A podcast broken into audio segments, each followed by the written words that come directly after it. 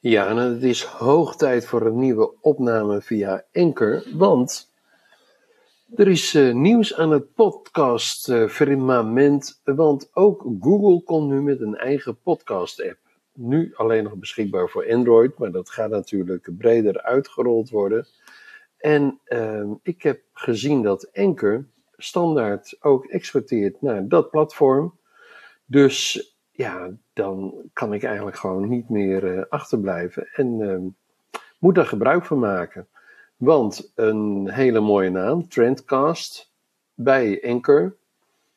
Ja, uh, als ik daar niks mee doe, dan, dan is dat zonde. Dus hoe dan ook, ik gebruik Anchor op mijn Chromebook, maar ook op Android device is het mogelijk, hè, op je smartphone. Ook voor Apple, want daar begon het mee allerlei manieren om podcasts op te nemen en te distribueren naar heel veel platformen. Want dat is ook weer het mooie van Anchor. Um, je kunt het via allerlei kanalen beluisteren. Dus uh, voor nu even genoeg. Ik ga wat uh, monteren en kijken hoe dit overal terecht komt.